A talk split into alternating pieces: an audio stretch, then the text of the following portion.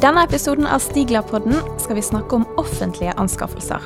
Og med meg i dag har jeg Stiglers mest erfarne advokat innenfor dette området, Harald Alfsen.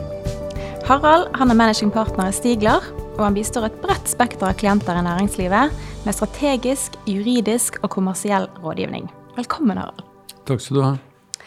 Rettsområdet offentlige anskaffelser det er jo ukjent for mange. Og Hva er det egentlig som kjennetegner en offentlig anskaffelse? Og kan du si litt om hvor regler om offentlige anskaffelser hører hjemme i rettssystemet vårt? Ja, vi skal eh, faktisk eh, langt over 100 år tilbake. Vi har alltid hatt eh, regler om, om innkjøp i offentlig sektor, men veldig forskjellige typer regler. Alt fra nesten ingen regler til veldig, veldig strenge regler, sånn som vi har i dag, egentlig. Og vi fikk et uh, stort skille i 1994 når EØS-avtalen kom. Det kan jeg jo si litt mer om seinere i, i poden. Men sånn, til, til, det store bildet så er offentlige anskaffelser et litt sånn merkelig rettsområde. Det hører ikke hjemme i verken offentligretten eller privatretten. Hvis vi tenker at offentlige anskaffelser er jo en offentlig aktivitet, så tenker man at da er vi inne i forvaltningslovens regler om enkeltvedtak, om, eh, om klagebehandling, om eh, politikernes inngrepen osv. Og, og det er ikke slik i offentlige anskaffelser. Det er nemlig en del av det privatrettslige området til eh, offentlig forvaltning. Så de kan agere mer som en privat bedrift, egentlig, når de gjør innkjøpene sine. De kan bl.a. Eh, utøve forhandlinger eh, i stor grad, akkurat som en privat aktør kan. Og politikerne kan mene noe om eh, offentlige anskaffelser også, men da må de også følge reglene. En kommunepolitiker kan ikke f.eks. bestemme at leverandør A skal få jobben bare fordi han er lokalisert i kommunen. Nettopp. Men hvor stor omfang er det egentlig på sånne offentlige innkjøp, hvis du skal snakke sånn i kroner og øre? Ja, altså Ifølge Statistisk sentralbyrå så er landbasert offentlig anbud er på, er på rundt 500 milliarder i året. Eh, antagelig litt mer enn det. Hvis vi tar med eh, oljenæringen eh, og vi tar med Forsvaret, så er vi oppe i rundt 600 milliarder så det er jo betydelige størrelser. For en vanlig offentlig virksomhet så er det jo veldig stor forskjell på omfanget.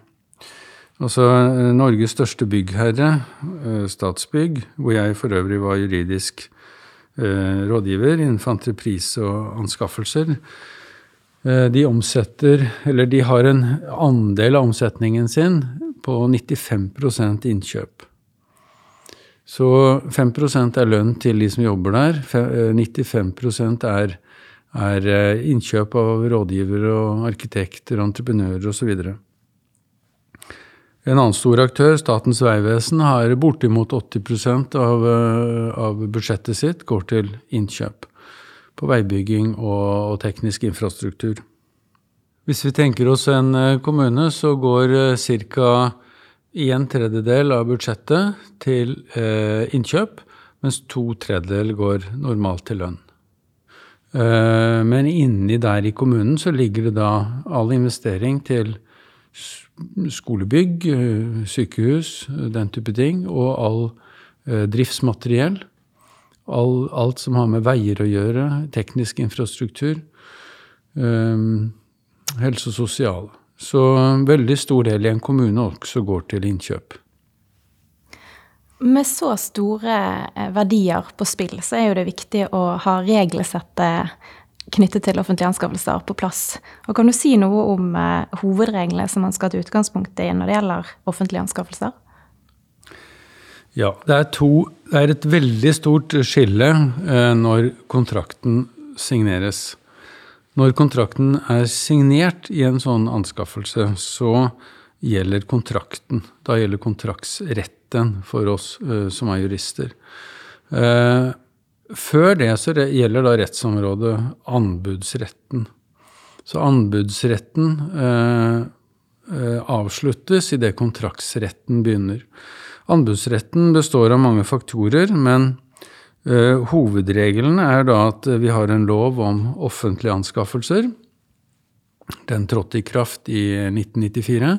EØS-avtalen den eh, ble, den ble vedtatt i 1992 og trådte i kraft i 1994.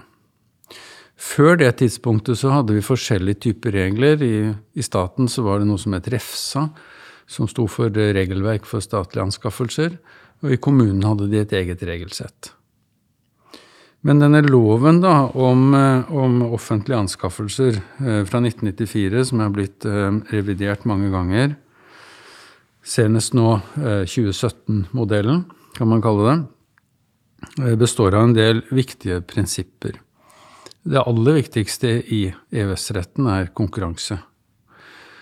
Og det motsatte av konkurranse er jo hva skal vi si, monopol. Ehm, og i monopolsituasjonen så har du enten eh, et lovlig monopol, sånn som Vinmonopolet, eller de har faktiske monopoler, hvor det faktisk bare er én bedrift som kan levere noe. Det er veldig sjelden at det forekommer, at det er bare én leverandør. Så øh, man er pålagt å forsøke å lage konkurranse. Uh, før jeg fortsetter med de andre prinsippene, så kan jeg også si at en annen del av dette anskaffelsesfeltet er jo konkurranseretten. Og i konkurranseretten så er det f.eks. For forbudt med anbudssamarbeid eh, som er hovedregel. Det er mulig å få det til. Eh, men du har jo konkurransebegrensende aktiviteter eh, med karteller osv. Som, som skjærer inn i konkurranseprinsippet. Så, så der møtes eh, disse to rettsområdene, anskaffelse og, og konkurranserett. Hvis anbyderne eh, samarbeider ulovlig, så, og vi får et kartell, så er det brudd på flere regelsett. Ser man ofte at det skjer? Det eh, skjer ganske ofte. Eh, og Konkurransetilsynet har en omfattende praksis på det feltet. Eh, de sitter jo eh, her i Bergen, som vi gjør. Vi har et godt forhold til de. Og, og eh, de er veldig glad i eh, oss eh, advokater som jobber med innkjøpsfeltet. For vi er i stand til å identifisere anskaffelser eller relasjoner hvor det foregår aktiviteter som kan være i strid med konkurranseretten. Og da kan vi være med og varsle tilsynet om det. Det var konkurranseprinsippet. Eh, et annet viktig prinsipp er forutberegnelighet. Eh, og det går ut på at eh, vi skal være veldig tydelige i kriteriene vi stiller. At tilbyderne f.eks. For forstår hva de skal svare for å kunne vinne. Når vi behandler tilbudene, så er vi omfattet av likebehandlingsprinsippet, som er det tredje prinsippet. Um, og det betyr at vi må behandle tilbyderne likt, og ikke bruke våre preferanser til den ene eller andre. Det fjerde prinsippet er etterprøvbarhet, som går ut på at um, det skal være sporbart, det vi har gjort i en anskaffelsesprosess. Vi er uh, forpliktet til å skrive en anskaffelsesprotokoll, f.eks. Og hertil er også offentliglovens regler inn om innsyn i anbud. Eh, det femte prinsippet det er eh, proporsjonalitetsprinsippet. Eh, og det er en ganske ny sak fra EU-retten, som går ut på at vi skal ikke stille mer omfattende krav til tilbyderne enn nødvendig. Så da har vi fem prinsipper. Det er konkurranse, forutberegnelighet, likebehandling, etterprøvbarhet og proporsjonalitet.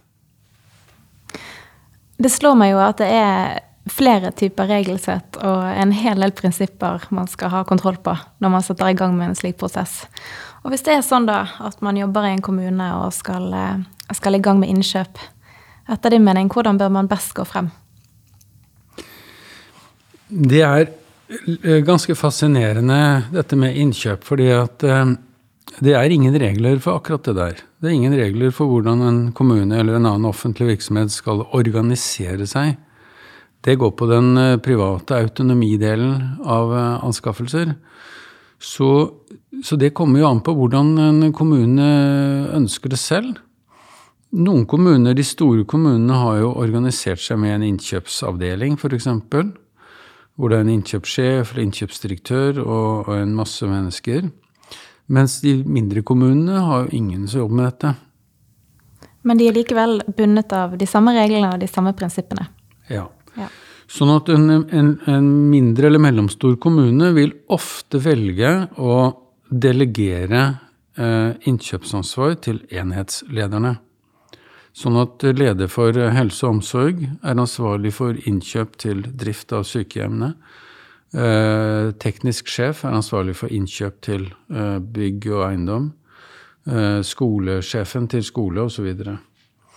Utfordringen med det er jo at de har jo normalt ikke kompetanse som er tilstrekkelig og oppdatert på rettspraksis osv. til å gjennomføre sånne store innkjøp. Og selv om de kanskje ikke er verdens største innkjøpsprosesser i volum, så er allikevel sånn at reglene må følges.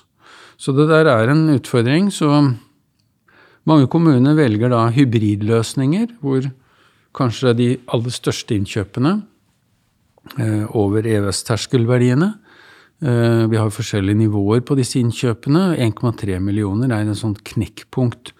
Er et innkjøp over 1,3 millioner, så skal det kunngjøres offentlig på en database som heter Doffin, database for offentlig innkjøp.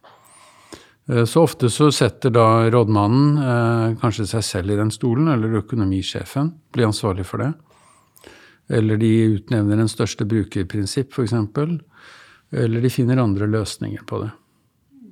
I verste fall så sklir det under radaren, og så blir det gjort innkjøp som, eh, som da blir ulovlige.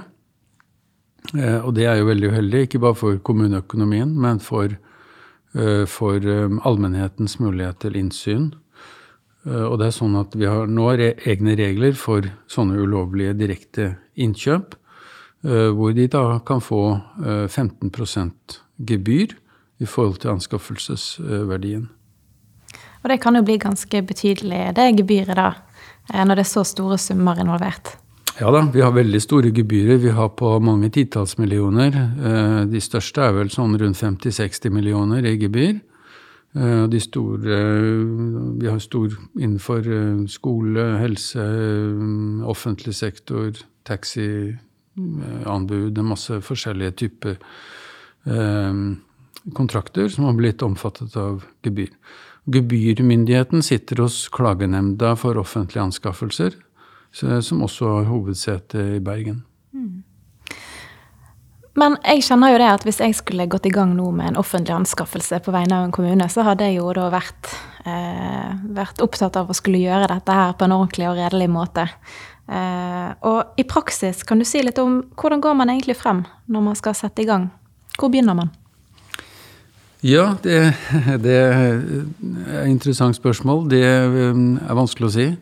Eller det kommer an på, som det heter. Uh, nei, i, i, den ideelle verden så starter det jo med uh, at uh, innkjøpene er planlagt veldig lang tid i forveien. At kommunen f.eks. har en innkjøpsplan, sånn at man kan starte i god tid. Men veldig ofte så får vi henvendelser om at ting haster. At vi skulle hatt det i går, osv. Så det ideelle er jo at man først bruker tid på spesifikasjon og behovsanalyse. Finner ut hva man trenger, hva man skal ha, hva man har fra før av. Eh, skal det vi kjøper integreres mot noe annet, f.eks.? Eh, og da er det jo mye tverrfaglighet, det er mange behov som skal dekkes. Vi skal snakke med mange eh, i en kommune. Brukerne skal være tett involvert, drift og vedlikehold skal være tett involvert, osv. Men når vi får opp behovet, så resulterer jo det i en spesifikasjon. Eh, og da inntrer det en konkurransefase eh, med da kunngjøring på, på denne databasen, Doffin. Deretter så kommer det da tilbud inn, og så gjør vi en evaluering. Og eh, hvis vi har lov å forhandle, så gjennomfører vi forhandlinger, og så evaluerer vi oss fram til en vinner. Og før vi kan skrive kontrakt, så skal det være en karenstid på ti dager. Eh, så det tar litt tid, og en sånn stor eh, offentlig anbudsprosess eh, over EØS kan fort ta et halvt år eller mer. Mm. Men Du sier hvis man får lov til å gjennomføre forhandlinger, men hva er det som avgjør det? Hovedregelen i en offentlig anskaffelse er å bruke anbud. Og ved anbud så er det ikke lov å forhandle. Det er en rettslig standard som sier det, og det er hovedregelen i EØS-reglene for anskaffelser. Så vi har fått en oppmykning over tid, eh, hvor vi har fått lov å bruke forhandlinger eh, hvis vi har en veldig kompleks anskaffelse. Og, og den vurderingen gjør vi alltid i forkant av prosedyrene. Eh, og da går vi gjennom om vi har behov for denne dialogen.